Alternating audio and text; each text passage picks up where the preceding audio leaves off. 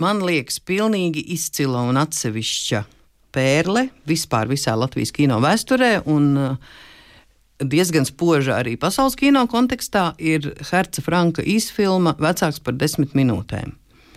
Es mēdzu teikt, ka šī filma ir uzskatāms pierādījums tēzei, ka viss ģeniālais ir vienkāršs. Man liekas, vienkāršāk vairs nav iespējams nofilmēt vienkārši viena bērna seju, un ģenialitāte tur arī nav noliedzama, manuprāt. Šai filmai ideja un kājas aug no Herca Franka pārliecības, ka dokumentālistam ir jāprot dzīvē saskatīt to filmas ideju kaut vai sīkā epizodē vai sīkā fotografijā. Viņš pats fotogrāfs būdams.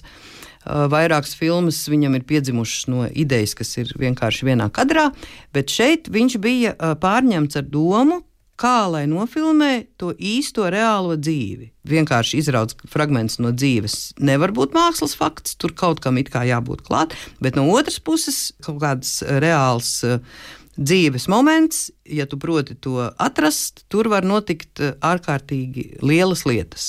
Herts Franks sāk domāt, kas varētu būt tas dzīves gabals, kuru varētu šādā veidā izgriezt un ielikt filmā kurai jau iepriekš bija tehniski skaidrs, ka tās ir desmit minūtes. Tas ir vienkārši tehnoloģisks nosacījums, jo tajā laikā 35 mm kinofilma tika glabāta buļģās, un vienā buļģā aiziet tieši 10 metri. Tātad vienreiz ielādējot kamerā, iespējams nofilmēt tikai 10 minūtes. Tad rullis beidzās un viss. Tātad, ja grib apzināti veidot filmu bez montāžas, negriežot filmas lenti, tad tās var būt tikai 10 minūtes.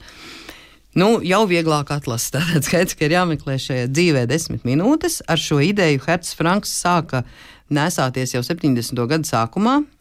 Un viņš bija uzrunājis Juri Podnieku, ar kuru viņi tolaik kā operatoru kopā veidoja filmu par mazgadīgo koloniju aizliegtā zona, kas ir 75. gada filma.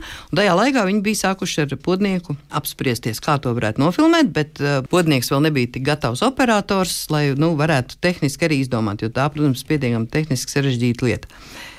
Tad uh, Herts Franks bija nonācis līdz idejai, ka tā varētu būt bērna seja, un ka šis bērns kaut ko skatās, un tad ir jāsaprot, ko viņš skatās, lai tur būtu pietiekami daudz emociju. Un nonākot līdz idejai, ka tā varētu būt kāda teātris izrāde vai kāds tam līdzīgs priekšnesums, Frankam kļuva skaidrs, ka tās nevar būt jebkuras desmit minūtes no jebkuras izrādes. Jo ir vajadzīgs tas emociju koncentrāts. Teiksim, ja tās desmit minūtes paņemtu uh, izrādes sākumā, kad ir vienkārši ekspozīcija un bērnam izstāsta, kas te notiek, kāda varoņa darbojās, viņam ir visu laiku viena emocija. Tāpēc Herts Franks bija ar chronometru izsēdējis tajā laikā visas leļu teātris izrādes, skatīdamies, kurā vietā ir tāds desmit minūšu koncentrāts, kur būtu iespējams dažādas tās emocijas. Jo tas arī nevar būt teiksim, tikai fināls, kur visi laimīgi, vai, vai kaut kāds briesmu moments. Un viņš bija atradis Leļu teātris izrādē par doktoru Aikāsāpu un, un briesmoni Barmalēju. Ir atradis šīs desmit minūtes, tas ir tās, kur it kā doktors uh, mierīgi ārstē zvēriņus, bet parādās briesmīgais Barmalējs. Visa tur tā ņemšanās, kas tieši desmit minūtēs ir tāds baigais emociju vilnis augšā lejā, tur ir vis visādas uh, lietas, ko piedzīvot. Kadrā redzamajam puisītim ir uh, trīs ar pus gadi.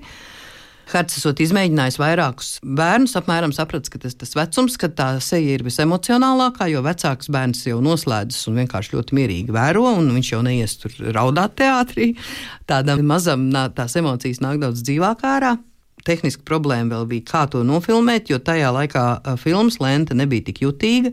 Nebūtu iespējams tumšā teātris zālē vienkārši iet un filmēt skatītājus. Tur vajadzēja izgaismot kaut kā to bērnu seju, un, un to pa trīs gadiem Juris Podnieks bija izdomājis. Jo Herts Franks stāstīja, ka viņam jau ir apstiprināta šī filmas ideja un piešķirts kā operators Kalvus Zeltsmanis, un nu pat viņi tūlīt 78. gada pavasarī sāks filmēt un pēkšņi viņam kinostudijā nāk pretī pa gaiteni Juris Podnieks un saka, meistar, es izdomāju.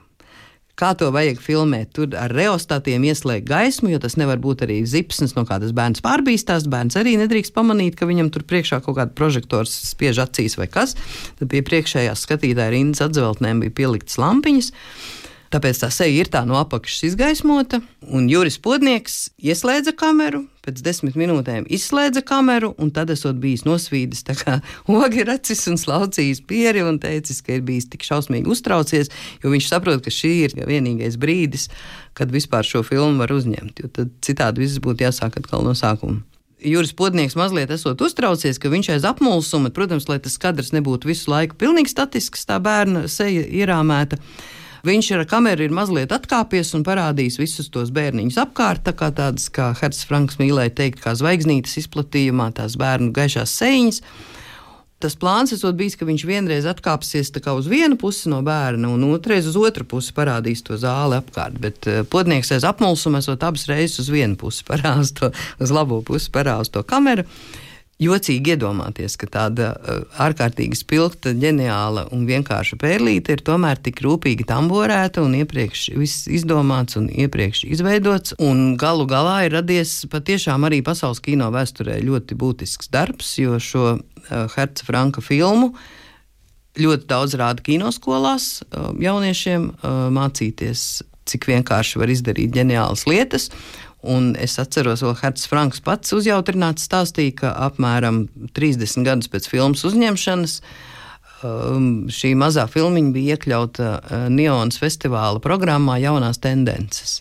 Tā kā Herts bija ļoti lepns un priecīgs, ka viņa vecā filma joprojām ir jauna tendence.